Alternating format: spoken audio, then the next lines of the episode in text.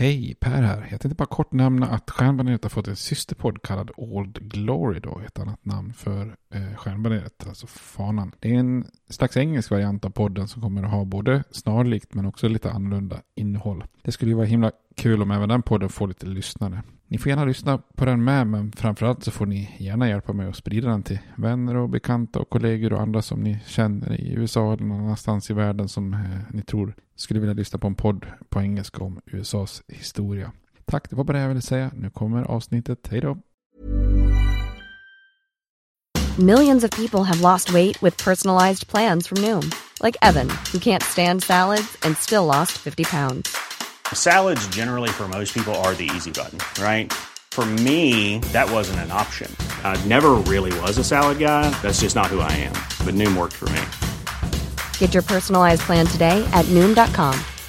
Real Noom user compensated to provide their story. In four weeks, the typical Noom user can expect to lose one to two pounds per week. Individual results may vary. Hey, it's Ryan Reynolds, and I'm here with Keith, co star of my upcoming film, If, only in theaters, May 17th. Do you want to tell people the big news? All right, I'll do. it. Sign up now and you'll get unlimited for $15 a month in six months of Paramount Plus Essential Plan on us. Mintmobile.com slash switch. Upfront payment of $45 equivalent to $15 per month. Unlimited over 40 gigabytes per month. Face lower speeds. Videos at 480p. Active Mint customers by 531.24 get six months of Paramount Plus Essential Plan. Auto renews after six months. Offer ends May 31st, 2024. Separate Paramount Plus registration required. Terms and conditions apply if rated PG. There's never been a faster or easier way to start your weight loss journey than with PlushCare. PlushCare accepts most insurance plans and gives you online access to board-certified physicians who can prescribe FDA-approved weight loss medications like Wigovi and Zepbound for those who qualify. Take charge of your health and speak with a board-certified physician about a weight loss plan that's right for you. Get started today at plushcare.com slash weight loss. That's plushcare.com slash weight loss. plushcare.com slash weight loss.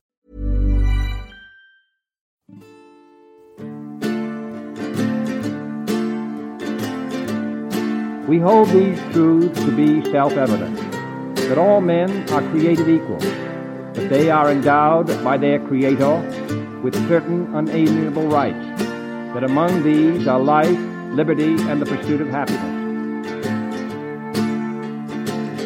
Now we are engaged in a great civil war, testing that government of the people, by the people, for the people, shall not perish from the earth. And so, my fellow Americans, ask not what your country can do for you, ask what you can do for your country. I have a dream. My four little children will one day live in a nation where they will not be judged by the color of their skin, but by the content of their character. Mr. Gorbachev, tear down this wall. I did not have sexual relations with that woman, Miss Lewinsky. Hej och välkomna till Stjärnbaneret, en podcast om USAs historia med mig Per Fjärdingby. Där vi eh, fortsätter översiktsserien och vi har ju kommit fram till andra världskriget här. Eh, I förra avsnittet pratade vi lite grann om USAs utrikespolitik på 30-talet. Och som man sammanfattar det så kan man väl säga att efter en ganska aktiv period i början på 1900-talet så blev det lite mer avvaktande på 20-talet för att sen bli rent isolationistiskt på 30-talet i, i USA då.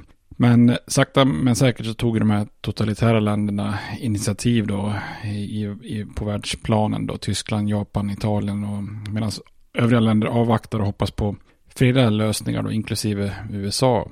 Men 1939 så var ju andra världskriget ett faktum och eh, USA försökte hålla sig väldigt neutralitet, eller neutralt, men i praktiken så, så stödjer ju de flesta amerikaner de allierade och Roosevelt gick ju relativt långt när, när det gäller att hjälpa britterna så långt det gick utan att eh, stöta sig helt med de här isolationisterna.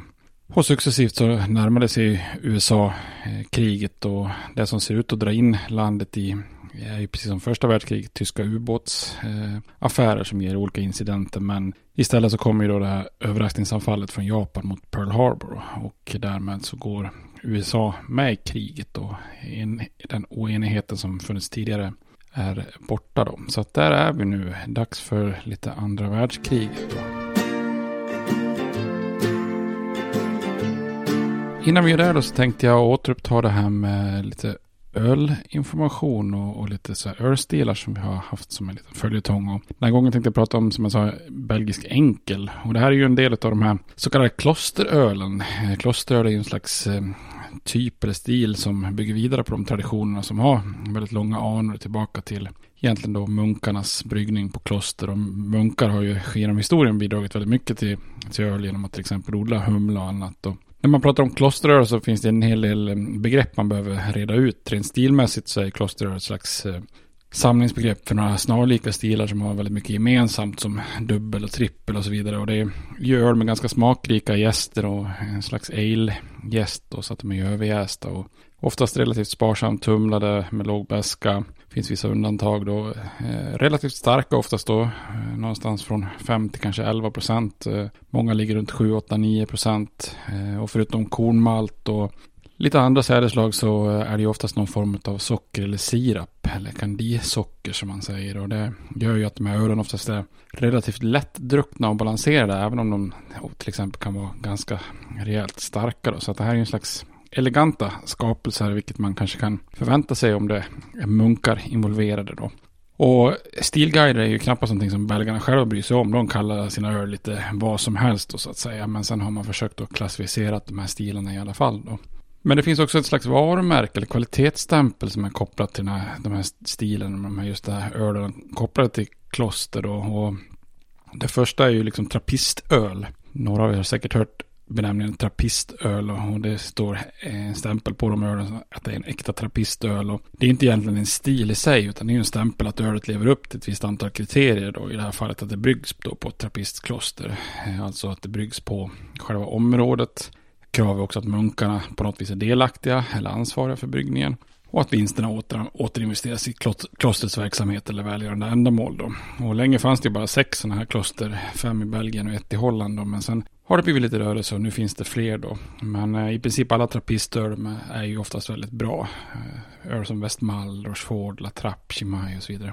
Sen finns det också klosteröl som har en slags kvalitetsstämpel. Och då byggs inte ölen på klostren av munkarna så att säga. Men ölen har fått sitt namn efter kloster så, och att den byggs då på licens från klostren. Då, så att det bryggs på bryggerier. Men på licens från klostren. Några av de här vanligaste är då Leffe, Affligem, Grimbergen, Maredsus och så vidare. Sen finns det ju andra öl då som är utav då klosterstil, alltså snarlika öl, men som inte har någon direkt koppling till till exempel ett konkret kloster då. Det är ett bra exempel på det, är Sankt Bernadus. då. Men kanske också egentligen svenska Vreta klosterbryggeri. Å andra sidan så har ju Vreta, det finns ju ett kloster där så att det beror på hur man ser på det hela. Men väldigt trevligt att det kommer ett svenskt bryggeri som kan brygga sådana här goda belgiska öl då. Den svagaste stilen av, av kloster kallas då för enkel och eh, som vi kommer komma till, det finns ju stilar som heter dubbel och trippel, alltså man ökar antalet eller mängd malten då. Och som vanligt så brukar ju belgarna själva kanske kalla de här för patersbier eller extra eller någonting annat. Och för att vara klosteröl så här är det relativt svag öl på runt 5%. Och det här lite var lite grann av en bordsöl från början. Alltså den öl som munkarna på klostren bryggde till sig själva och drack till mat och så vidare. Det var väldigt ovanligt att, att de såldes utanför klostermuren. Alltså till för bara några år sedan så var det oftast väldigt svårt att få tag på den här ölstilen. Men sen något år tillbaka så säljer ett par av de här till exempel trappistklosterna sina öl utanför klostrets murar då. Och det är en väldigt ljus ale då, fruktig, kryddig, ibland till och med lite kryddor tillsatta och väldigt lätt drucken då. Och de exempel man kan försöka få tag på är Westmall Extra och Chimay Doré, eh, Sant Bernadus Extra eh, och även då det här svenska nu då, Vreta kloster Matersbier. De kallar det istället för Patersbier så kallar de för Matersbier. Eh, så att där kan ni försöka få tag på en väldigt trevlig eh, lättdrucken ölsort. Eh, extra eller enkel. Eh, nästa avsnitt tänkte jag vi skulle prata om belgisk blond. Så kan man försöka få tag på Leffe blond eller La Trappe blond eller kanske Breta då, den blonda nunnan. Så försök att få tag på en sån.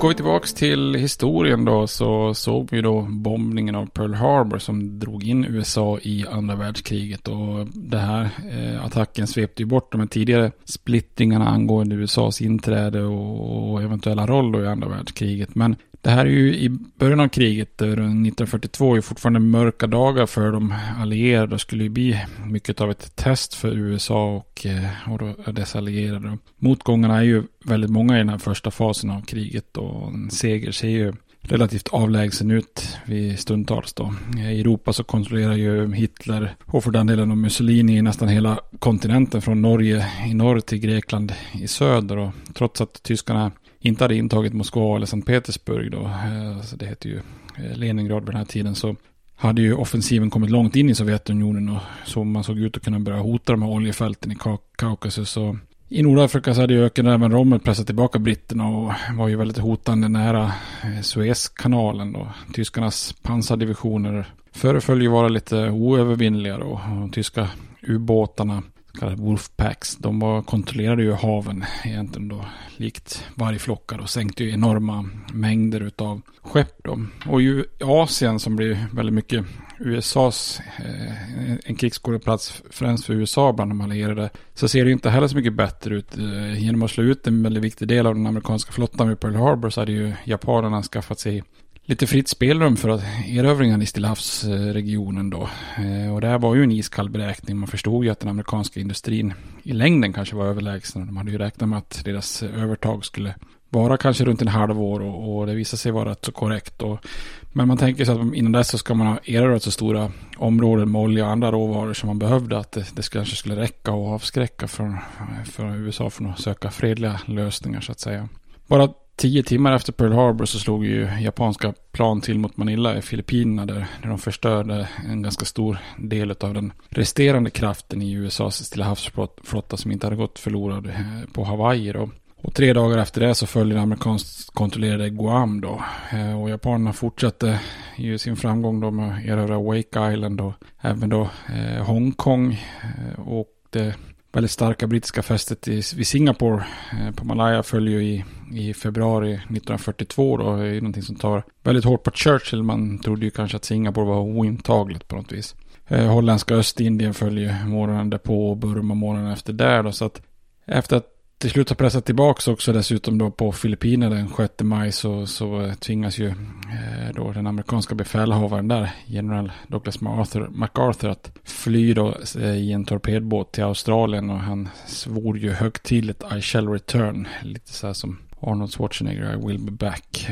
Många tyckte att han, att han lämnade trupperna där åt sitt öde då. Och de resterande amerikanska och filippinska trupperna strider ju ganska hårt och har ju en, en order från MacArthur att egentligen inte få kapitulera utan strida till sista, sista man då så att säga. Nu är det ju så att i efterhand de som generalerna som till slut kapitulerar eh, blir ju ändå hyllade som hjältar senare då. Men axelmakterna hade ju kopplat ett väldigt eh, grepp då i krigets inledning och en väldigt blek situation för de allierade Eh, Axel Marknadsarmén hade ju skaffat sig viktiga erfarenheter, byggt upp väldigt mycket självförtroende och i de här erövrade länderna i Europa och Asien så hade man ju nu tillgång till både rika resurser och att man kunde sätta olika erövrade folk i tvångsarbete. Då. Ibland tror jag nästan man underskattar den här situationen, till exempel om man pratar om Sveriges agerande. Och i, I princip är det ju bara britterna som står emot här. Så det är ju knappt så att det är många som tror att man kommer att överleva det, även britterna heller. Utan det är ju nästan ett helt tyst fascistiskt Europa som är nära. Så att här var ju kanske inte handlingsalternativen så jättestora för, för Sverige heller då. Som föll sig neutralt då. Eh, eller ja, hur man nu ser på det. Men de allierade hade på något vis eh, tre fördelar som man skulle använda sen för att vända kriget. Då. dels har man en numerär överlägsenhet. Man har ju också en lite mer enad och koordinerad styre av själva krigsinsatsen. Och man har ju också då en överlägsen industriell kapacitet där USA var, var dominant på många sätt. Tittar man då på den eh, allians som, eh, som man bygger upp för att stoppa axelmakterna så var ju det en av fördelarna var just den här förmågan att kunna skapa någon, någon form av koordinerat eh, samarbete. Även om det finns liksom svårigheter även det. Och man kan ju diskutera hur koordinerat det blev. Då. Men det blir ändå skillnad jämfört med Tyskland och Japan som i många aspekter körde liksom varsitt eh, separat eh, krig kan man säga. Då.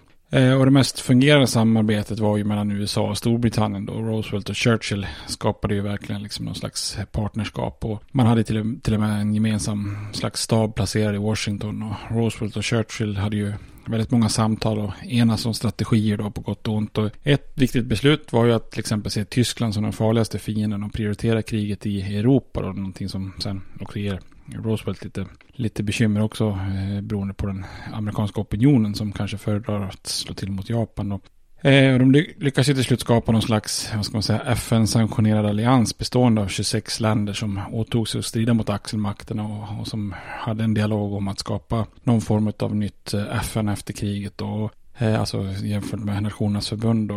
Eh, och rela relationen med flera av de här allierade var ju dock lite bekymrad för, bekymrande för eh, USA på, på många plan. Tittar man på Kina då som varit i krig med Japan fullt ut sedan 1937 så var det, de var ju naturligtvis inte nöjda med att USA gick med på att prioritera kriget i Europa före Asien då. Eh, och Roosevelt försökte ju smöra lite med Chiang Kai-shek genom att förse eh, kineserna med, med varor då. Eh, men det är ju en ganska liten stridström som man, som man då flyger på livsfarliga uppdrag över Himalaya då från Indien för att hjälpa kineserna. Så att eh, här fanns väl vissa slitningar också. Frankrike är också ett delikat problem. Roosevelt valde ju att i stora drag ignorera den franska exilregeringen under Charles de Gaulle och istället hantera den här så kallade Vichy-regimen. Och även om de samarbetade med Tyskland så styrde den ju fortfarande över den franska flottan och landets kolonier. Så här är ju en ganska eh, delikat och konstig situation på många sätt. Och den viktigaste relationen utöver Storbritannien och den kanske också den mest utmanande på samma gång, det var ju naturligtvis den med, med Josef Stalin och Sovjetunionen. Och även om Roosevelt erkänt Sovjetunionen 1933 så var ju inte relationerna knappast några tipptopp-relationer då. Och det faktum att Sovjetunionen aldrig betalat av sina skulder till USA och öppet stödde kommunister i USA hade ju gjort Stalin ganska eh, impopulär i USA. Och den där kortvariga alliansen då med Hitler eh, 39 till 41 innan, innan Hitler anfaller Stalin så hade ju inte direkt gjort relationen till USA och de övriga allierade eh, speciellt mycket bättre då trots de här kulturella skillnaderna och, och försökte ju den här alltid pragmatiska Roosevelt att stärka de här relationerna under kriget. Och redan innan Pearl Harbor när tyskan, eh, när, när tyskan angrep liksom Sovjetunionen så inkluderar ju han Sovjet i den här ekonomiska och industriella hjälpen under det här systemet med land lease då. Det som skulle bli den stora stötestenen mellan USA och Storbritannien på ena sidan då och Sovjetunionen på andra, det var ju det här med öppnandet av en andra front i Västeuropa. Eh, I, redan i maj 1942 så lovade Roosevelt lite förhastat att, att man skulle skapa en andra front innan året var slut. Då. Men det sker ju inte och mycket av det är ju britterna då. Churchill bromsar ju andra änden och ville ju att det hårt ansatta Storbritannien skulle kunna återhämta sig innan man gör någon större offensiv då. Och I Storbritannien kanske också minnet av hur man miste en hel generation unga män under första världskrigets skyttegravar. Eh, det är ju någonting som fortfarande är ganska smärtsamt och Churchill insisterar ju på att man istället ska försvaga Tyskland och Italien genom att nöta ner svaga fronter och omringa och försvaga dem innan man gör då någon form av kostsamt eh, slutanfall på västfronten och riskerar stora förluster. Och Roosevelt han gick med på Churchills strategi och, och, och fördröja. Då. Han kände kanske att eh, britterna 1942 skulle behöva stå för en majoritet av skepp och män om en andra front skulle skapas. Så att beslutet kanske därmed främst var Churchill. Så han sviker ju därmed sitt tidigare löfte till staden. då. Och det här gör ju Stalin och, och Sovjetunionen eh, väldigt arga och besvikna då. För det här innebär ju att Sovjetunionen nästan ensamt får, får möta den tyska krigsmaskinen i Europa 1942-43 då. Det är ju liksom närmare 200 divisioner som Hitler kastar österut och USA och Storbritannien ger ju visserligen ekonomiskt stöd och eh, liksom och kunde då tacksamt bygga upp sina krafter inför motoffensiv och det här blir ju en besvikelse med många herrans miljoner döda på östfronten för Sovjetunionen. Och man får strida själva då medan de andra slickar sina sår och, och sen liksom defilerar in på, på krigsslutet kan man säga då när den tyska kraften har förbrukats på östfronten då om man ska se det lite krasst. Så indirekt då, så ofta offras ju, offrar ju USA och Storbritannien ryska liv för att hålla Hitler stången då. Och den här osämjan över den försenade andra fronten då, det skulle ju aldrig riktigt gå hela eh, efter kriget eller i slutet på kriget. Och det blir ju liksom ett arv för framtida konflikter mellan Sovjetunionen och, och västmakterna. Då.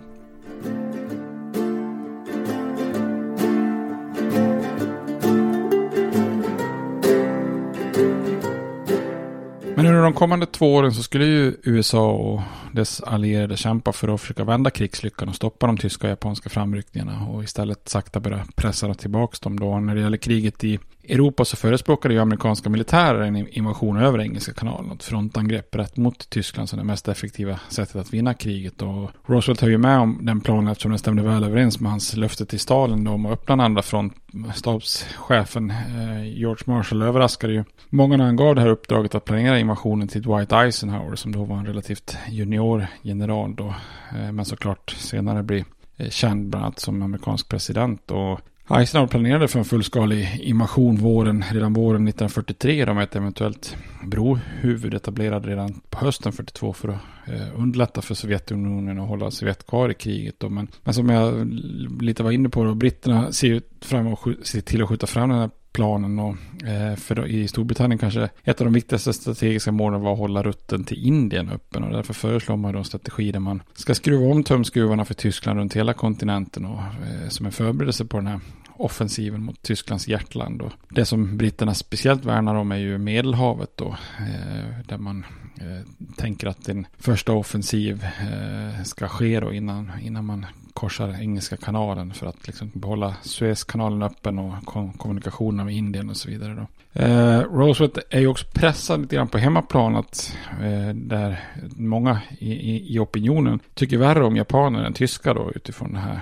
Eh, attacken på Pearl Harbor. Och, eh, I opinionen så är det många som tycker att han måste sätta in trupper där då. Eh, så Roosevelt för att kunna hålla löftet om att besegra Tyskland först, han är ju också lite ivrig på att sätta in trupper i Europa innan 1942 är över. Så att han liksom visar att han menar allvar med det här med att besegra Tyskland först då, för att, så att han också kan sätta in trupper mot Japan. Då går han ju också med på britternas strategi då eh, i hopp om att eh, Stalin ändå ska klara sig. Och det här innebär ju då att den första motoffensiven kommer i Nordafrika då, kopplat till Medelhavet. Och amerikanska trupper under Dwight Eisenhower gör ju en offensiv österut från det franska Marocko då, eh, medan britter under Bernard Montgomery anföll västerut från Egypten då. Där hade ju britterna pressats tillbaks väldigt mycket av utav ökenräven Rommel då. Eh, och till slut efter eh, lite fram och tillbaks där så besegras ju då Rommel, eh, bland annat vid det här slaget vid El Alamein i Egypten. Och tyskarna drevs helt enkelt ifrån Nordafrika. Så att det här kom ju en första viktig vändpunkt. Och nästa tyska motgång kom ju framförallt vid Stalingrad på östfronten då vintern 1942-43. Då. Eh, tyskarna hade ju som så många andra har gjort genom åren underskattat den sovjetiska vintern och viljan att offra liv för att försvara sig. Och Tyskland hade ju också lite otaktiskt delat på sin offensiv där mot det sovjetiska inre och den armén som, som det var tänkt skulle säkra de här oljefälten i Baku och så om, omringas ju till slut i, i Stalingrad. Och, ja, det är ju ett, ett, ett kapitel i sig då av hela slaget i Stalingrad men till slut så tvingas ju i alla fall den tyska armén att kapitulera då efter många månader brutala statsstrider. Då. Och när Sovjetunionen lyckas då stoppa den tyska invasionens fart här så gick ju stor del av den offensiva tyska kraften ur dem när det gäller efter Stalingrad. Och andra allierade framgångar kom ju också då. En, en var ju förbättringen av radarutrustning och sånt som gav de allierade styrkorna i Atlanten större precision för att då jaga fatt och sänka tyska ubåtar med, med nya anti-ubåtsbomber och olika saker. Då. Eh, för Tyskland hade ju verkligen kopplat greppet om, om Atlanten och, och mer eller mindre nästan börjat hotat båtar bort mot den amerikanska östkusten. Men eh, nu vänd, vänder man på steken här och de allierade börjar sänka ubåtarna i väldigt hög takt. Eh, och det här gör ju till slut att de få ubåtarna Tyskland är kvar får man dra tillbaka. Så i, i maj 1943 hade ju Tyskland i princip förlorat slaget om Atlanten och eh, ja, då dra tillbaka de få ubåtarna som fanns då. De allierade börjar också dominera luftrummet på många sätt och deras bombplan börjar ju slå till mot strategiska tyska mål som fabriker och järnvägslinjer och, och hamnar då. Eh, och flygningarna inleddes ju sommaren 1942 när brittiska bombplan eh, skyddade av, av Spitfire-plan flyger in över Tyskland då. Eh, britterna är ju lite mer bomba allmänt för att slå ut liksom tyska moralen. Det är ju en strategi som man kan tycka var överraskande eftersom deras egen moral inte hade slagits ut av blitzen då. Medan de amerikanska bombflygen är mer för att göra just sådana här strategiska bombningar då. Som kanske med efterhand, i efterhand visar sig vara mer effektiva på något vis. Eh, och de amerikanska bombflygen B-17 med Flying Fortress lanseras ju och är ju väldigt effektiva då. Eh, och mängden med bomber totalt och de eldstormar som skapas blir ju en mardröm för Tyskland. Då. Det är ju många städer som verkligen eh, förintas från kartan då. Det kanske just eh, bombningen av Dresden sticker ut som det värsta exemplet då. I januari 1943 så träffades ju Churchill och Roosevelt i Casablanca i Marocko för att bestämma nästa steg och än en gång så uppmanades ju Roosevelt av sina egna militärer att öppna upp en västfront eh, i Europa då. Men återigen så lyckas Churchill övertala Roosevelt om att succén i Nordafrika inte i, inte skulle följas upp med öppnandet av en västfront utan att man istället ska im, im, göra en invasion av Sicilien först och Italien, alltså fastlandshalvön Italien sen då som ett led i att skydda Medelhavet och nöta på tyskarna genom att slå ut de italienska allierade där. Och även om eh, general Patton då lätt kunde inta Sicilien och eh, Italien tvingades ur kriget då med Mussolini på, på flykt och så, så skickar ju Hitler 16 divisioner till den italienska halvön och bjuder på väldigt hårt motstånd. Så att här får ju amerikanska och brittiska trupper kämpa sig väldigt långsamt fram då för att återerövra den italienska halvön. Så det blir ju lite grann av en, eh, jag tänkte säga återvändsgränd, det blir det ju inte. Men det blir ju ett strategiskt misstag på något vis för det försenar ju öppnandet av en andra front fram ända till våren 1944 då. Och i öst så hade ju vid det här laget eh, staden Stalin och Sovjettrupperna börjat sakta pressa tillbaka tyskarna på väg att etablera kommunistiska lydstater i öst då. Eh, efter att ha burit huvudbördan av striderna så var ju Stalin ute efter att kompensera sig genom att kontrollera Östeuropa. Och här hade naturligtvis en öppning av en andra front i, eh, över Engelska kanalen kunnat eh, kanske hindra beroende på hur krigsslutet hade sett ut vid det laget.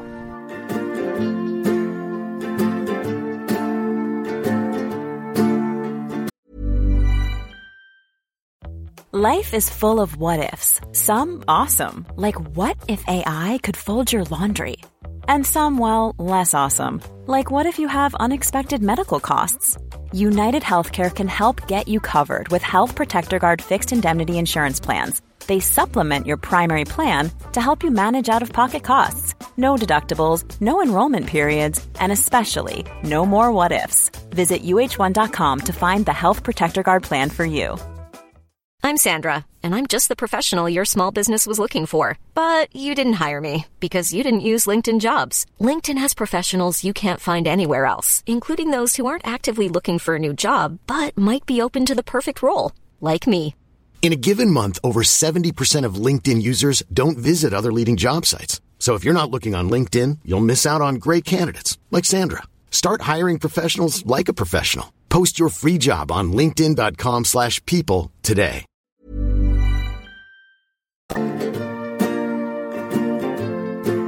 Tittar vi lite istället på Stilla havsoffensiven då, eller Stilla havskrigsskådeplatsen då, så det finns ju en enorm geografisk aspekt av just Stilla havet och Asien som gjorde eh, kriget mot Japan lite annorlunda än det mot eh, Europa då. Eh, istället för kampanjen mot den asiatiska kontinenten i form av liksom då Östindien, Indokina, Kina och så vidare så skulle USA ägna sig åt mycket då amfibiska expeditioner mot japanskt kontrollerade öar då. Eh, offensiven kallas ju, ibland för, kallas ju ibland för island hopping, alltså att man tar sig fram ö efter ö så att säga. Och här blir det ju på ett vis väldigt skillnad. Alltså det är väldigt mycket fokus på flottan och, och, flyg och så vidare. Och sen när man väl ska inta en ö så blir ju striderna ibland på en väldigt liten geografisk yta oerhört eh, blodiga och, och, och desperata på, på många sätt. Och man kan ju säga om man bortser från den här äh, hjälpen av material över Himalaya och liksom från Indien där så kan man, om man räknar bort den så kan man säga att USA egentligen sätter igång med två motoffensiver då. En som leddes just av general Douglas MacArthur som, som hade sin bas i Australien då och försökte röra sig norrut via Nya Guinea och tillbaka mot Filippinerna som man hade lovat att han skulle återvända till och återerövra. Den andra offensiven som egentligen då blir den, den viktigaste kan man säga leds ju då av amiral Chester Nimitz från Hawaii då västerut via ett antal öar i Stilla havet då. Egentligen lite också en kompromiss från Roosevelt alltså att släppa loss båda eftersom MacArthur väldigt tydligt representerar armén och Nimitz flottan och man, det fanns det vissa konflikter mellan de olika vapengrenarna så att här låter han gå loss på varsin offensiv kan man säga. Förhoppningen var ju att man, var att man först skulle stoppa den japanska expansionen och, och, och sen börja återerövra och, och sen till slut när de här offensiverna förhoppningsvis hade lyckats då skulle man kunna mötas för en gemensam invasion av själva eh, Japan i sig då så att säga en nyckel i det här kriget längs Stilla havets öar och så vidare, det var ju att kontrollera haven då. Och en nyckel för att kontrollera haven var ju de här stora hangarfartygen då med sina plan. Och som tur var för USA så hade ju inget av deras fyra eh, hangarfartyg gått helt förlorat i bombningen av Pearl Harbor då. Eh, första framgången mot Japan är ju slaget i Korallhavet i maj 1942 nord, nordväst om Australien då. Första gången så lyckas man då stoppa den dittills ostoppbara japanska flottan och, och det japanska försöket att liksom ringa in och överflygla Australien kan man säga. Det, det stoppas och blockeras då. Nästa seger som var en ännu större framgång det är ju då slaget i Midway i juni 1942. Midway är ju en ö, eller ja, ja en atoll egentligen. Eh, men den ligger ju väster om Hawaii då, mitt ute i Stilla havet och är ju en viktig, viktig bas då. Det är ju den amerikanska bas som låg närmast Japan vid den här tiden då. Eh, den japanska befälhavaren Yamamoto gick till anfall då med fyra hangarfartyg mot eh, Nimitz tre då. Egentligen trodde han kanske att han anföll två hangarfartyg men eh, amerikanerna hade ju lite mirakulöst lyckats laga ett av sina eh, hangarfartyg då, Yorktown uppkallat efter det här sista slaget under frihetskriget. Eh, och i ett ganska stort slag då eh, under fyra dagar så drabbar de här två flottstyrkorna samman då.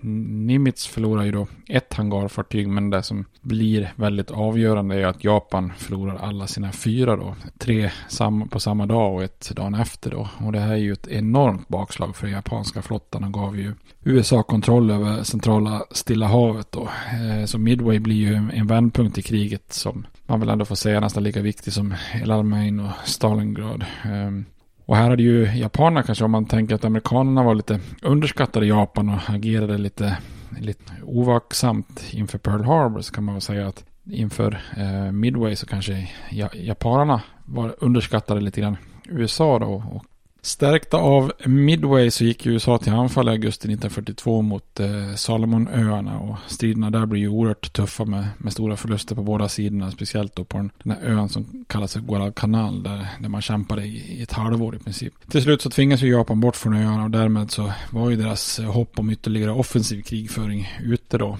Eh, här från den här stunden så får japanerna ligga på eh, defensiven kan man säga. Och samtidigt hade ju MacArthur inlett det här långsamma blodiga arbetet att driva japaner från Nya Guinea. Så nu har ju liksom kriget på något vis eh, vänt här. För i början av 1943 så då är liksom den här defensiva fasen i Stilla havet mot Japan avslutat. Och eh, Japans offensiva kraft var, var väldigt mycket slut. Då, så nu startar ju USA istället då den successiva offensiven och jobbet med att pressa tillbaka Japan och återerövra platser som Marshallöarna och Filippinerna och så vidare.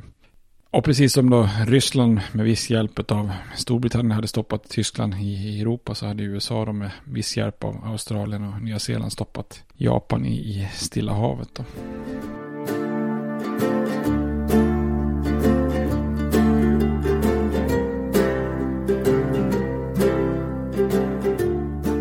Ett ämne som man ju får ta upp är ju också USA och eh, förintelsen. Och Mitt under de här striderna så började det ju gå upp för amerikanska ledare att ett, en av historiens större tragedier äger rum i Europa då när nazisterna eh, mördade judar och andra grupper då i, i den så kallade förintelsen då. Eh, och Hitler han gjorde ju sitt bästa för, för att försöka dölja förintelsen. Men så tidigt som 1942 så hade ju ledare i Washington underrättelse om att tyskarna samlar upp judar och romer och kommunister, homosexuella och andra grupper inom ockuperade områden och transporterar dem till olika typer av arbets och dödsläger i, i östra Tyskland och Polen för att systematiskt arbeta ihjäl dem eller kanske döda dem rakt av då. Och de här fruktansvärda brotten blev ju snart kända även för en större massa av amerikaner. Det startade en opinion i USA om att stoppa det här mördandet och försöka rädda så många judar man kunde. Men Roosevelts administration och många grupper av amerikaner agerar ju inte nämnvärt här. Och USA var ju lite ovilliga att förändra till exempel immigrationskvoter för att öppna upp landet för fler judiska flyktingar. Och en ökänd incident inträffade ju redan 1939 då, eh, innan USA var med i kriget. När den amerikanska staten vägrade att ta emot 930 desperata judiska flyktingar ombord på skeppet St. Louis. Eh, och tvinga kaptenen att återvända till, till Europa där många av de här ombord råkar i klorna på, på nazisterna då.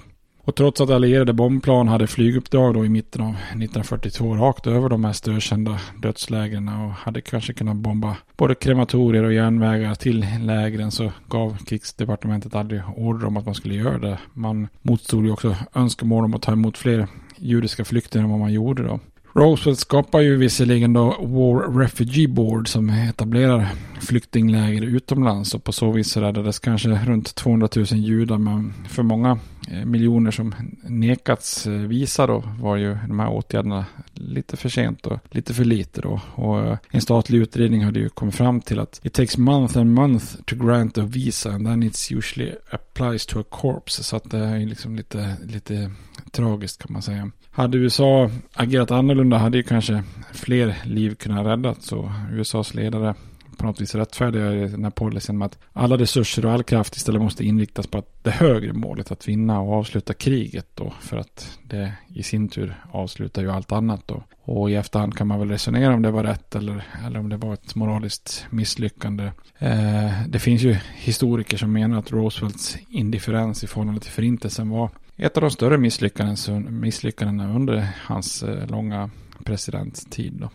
Kriget, andra världskriget skapade ju också en moralisk skamfläck på den amerikanska hemmaplanen också i form av då interneringen av då japansk-amerikaner i koncentrationsläger i, i, USA. Då. Första världskriget hade ju som ni minns skapat en bild av, av tyskar som brutala barbarer och så vidare. Och under andra världskriget så var ju inte bilden av tyskar det som skapar mest hat i USA utan det är ju snarare bilden av japaner då. Och det kan man ju härröra väldigt mycket då till attacken mot Pearl Harbor och Eh, det här, eh, den amerikanska staten och populärkulturen skapar ju liksom en bild av japaner som oerhört falska och brutala och elaka. Och I undersökning efter undersökning så visar det liksom att amerikaner vid den här tiden var ju bra mycket mer negativt inställda och fientliga mot japaner än vad de var eh, mot tyskar till exempel och italienare då.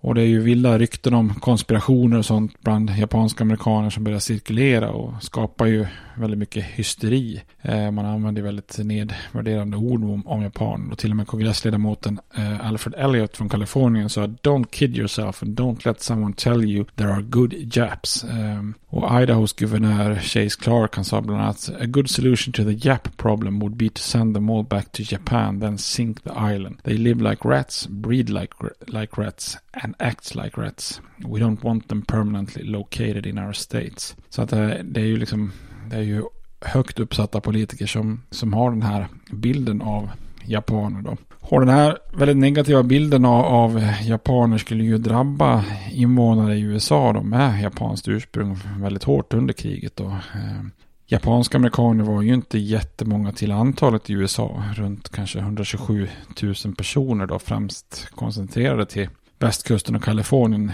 naturligt då, liksom i riktning mot Japan då. Och en tredjedel av de här var ju första generationens invandrare, men två tredjedelar av, av den här gruppen var ju redan andra generationen eller tidigare då, eh, födda i USA som amerikanska medborgare egentligen vilka som helst då. Och eftersom japanska amerikaner höll väldigt hårt i sina traditioner och arv så är de ju på något vis väldigt lätta att identifiera, väldigt lätta att se på som annorlunda. då. och trots att det inte fanns några som helst bevis på att eh, japanska amerikaner ägnade sig åt någon form av konspirationer då, eh, på uppdrag av eh, fientliga Japan så var det ju lätt för amerikaner att börja misstänka sådana konspiration, konspira, konspirationer och folk börjar se dem som en slags samhällsfara som kan vara i maskopi med fienden. Då. Och efter press från militär och politiska ledare på västkusten så eh, exempelvis Kaliforniens Earl Warren som, som senare kommer att leda den här Warren-kommissionen efter mordet på Kennedy. Han rekommenderade ju eh, krigsdepartementet att japanska amerikaner skulle interneras. Och, och, Roosevelt gav sitt godkännande och i februari 1942 så samlade myndigheterna runt 100 000 japanska amerikaner och, och förde dem helt enkelt till koncentrationsläger som man då inte kallar för det utan man kallar dem helt enkelt för relocation camps, vilket ju då låter otroligt mycket mildare än vad det eh, egentligen var då. Det räckte ju med att ha så att säga one drop of Japanese blood som det hette, alltså ja, ni som känner igen det här från avsnitten om afroamerikaner så är det ju samma rasistiska logik som användes mot afroamerikaner. Att har du en, en droppe afrikanskt blod i, i dina ådror så är du afroamerikan. Och har du en droppe jap japanskt blod så är du helt enkelt eh, japansk amerikan. Då.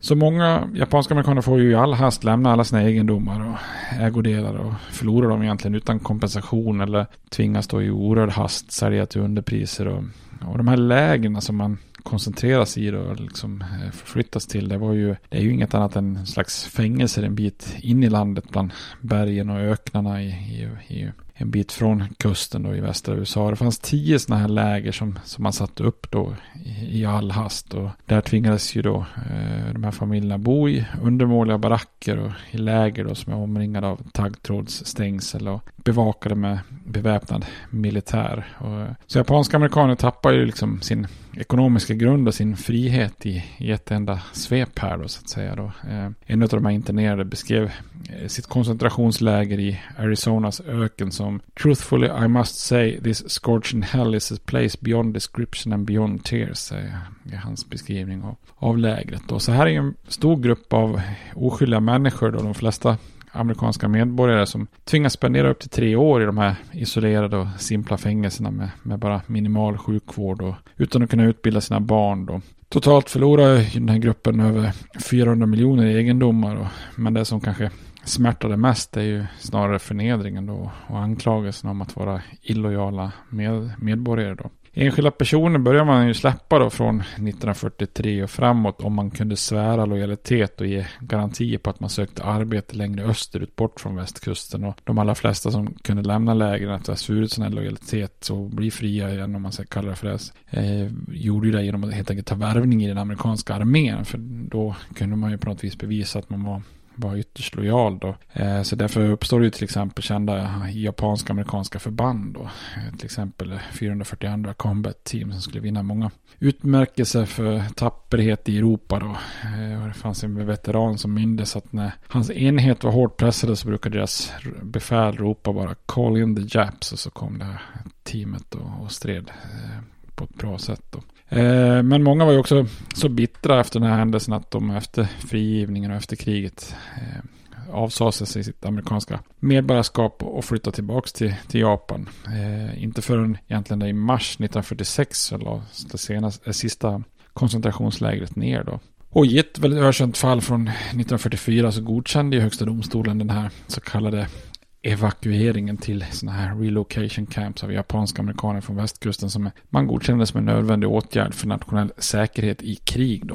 Eh, och det här är ju lite ironiskt också för när den här domen kommer så hade ju ändå de flesta redan börjat, börjat så sakta att släppas fria då när de här blev frisläppta då så blev de ju heller inte ersatta, ersatta för sina förluster eller för den här tiden de suttit inspärrade. Det är först på 1980-talet som kongressen agerar med en viss kompensation då. Eh, en utredning som fastslog att orsakerna bakom den här interneringen egentligen var ren och beskär rasism då utan egentligen orsak då. Det här är ju såklart något som ni som lyssnar på serien om afroamerikaners medborgarrättsrörelse är ganska bekanta med att den amerikanska staten är kapabel till att, att göra sådana typer av åtgärder. Då. Och den här interneringen av japanska amerikaner är ju en väldigt stor plump i USAs historia då.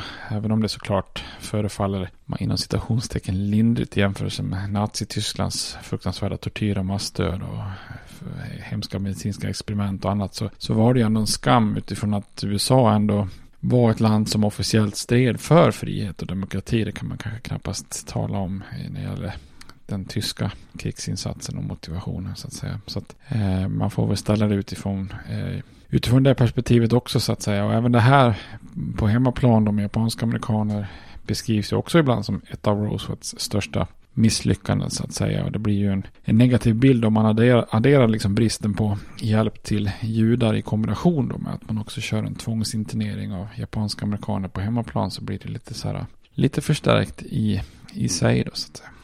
Men då har vi kollat lite på andra världskriget, eh, inledningen här, försöka stoppa den tyska och den japanska offensiven och försöka börja vända på, lite sakta på krigslyckan. då. Eh, I nästa avsnitt så tänkte jag att vi skulle kolla lite mer på vad som händer på hemmafronten. För det händer ju väldigt mycket i USA och USA kommer inte att vara sig likt efter andra världskriget som det var före. Så här finns också mycket intressant att titta på. Men eh, tills dess så får ni ha det bra. Hej då! States like these and their terrorist allies constitute an axis of evil. And if the hippies and the yippies and the disruptors of the systems that Washington and Lincoln as presidents brought forth in this country will shut up and work within our free system of government, I will lower my voice. If the impeachment provision in the Constitution of the United States will not reach the offenses charged here, then perhaps that 18th century Constitution should be abandoned to a 20th century paper shredder. Therefore, I shall resign the presidency effective at noon tomorrow.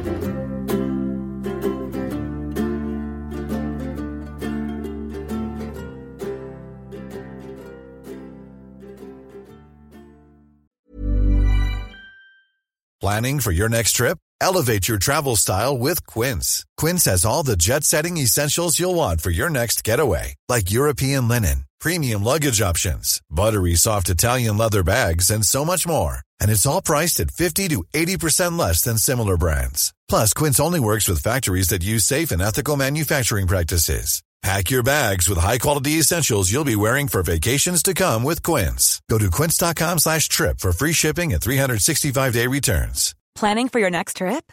Elevate your travel style with Quince. Quince has all the jet-setting essentials you'll want for your next getaway, like European linen, premium luggage options, buttery soft Italian leather bags, and so much more.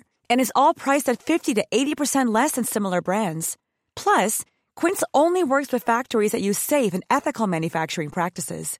Pack your bags with high-quality essentials you'll be wearing for vacations to come with Quince. Go to quince.com/pack for free shipping and 365-day returns.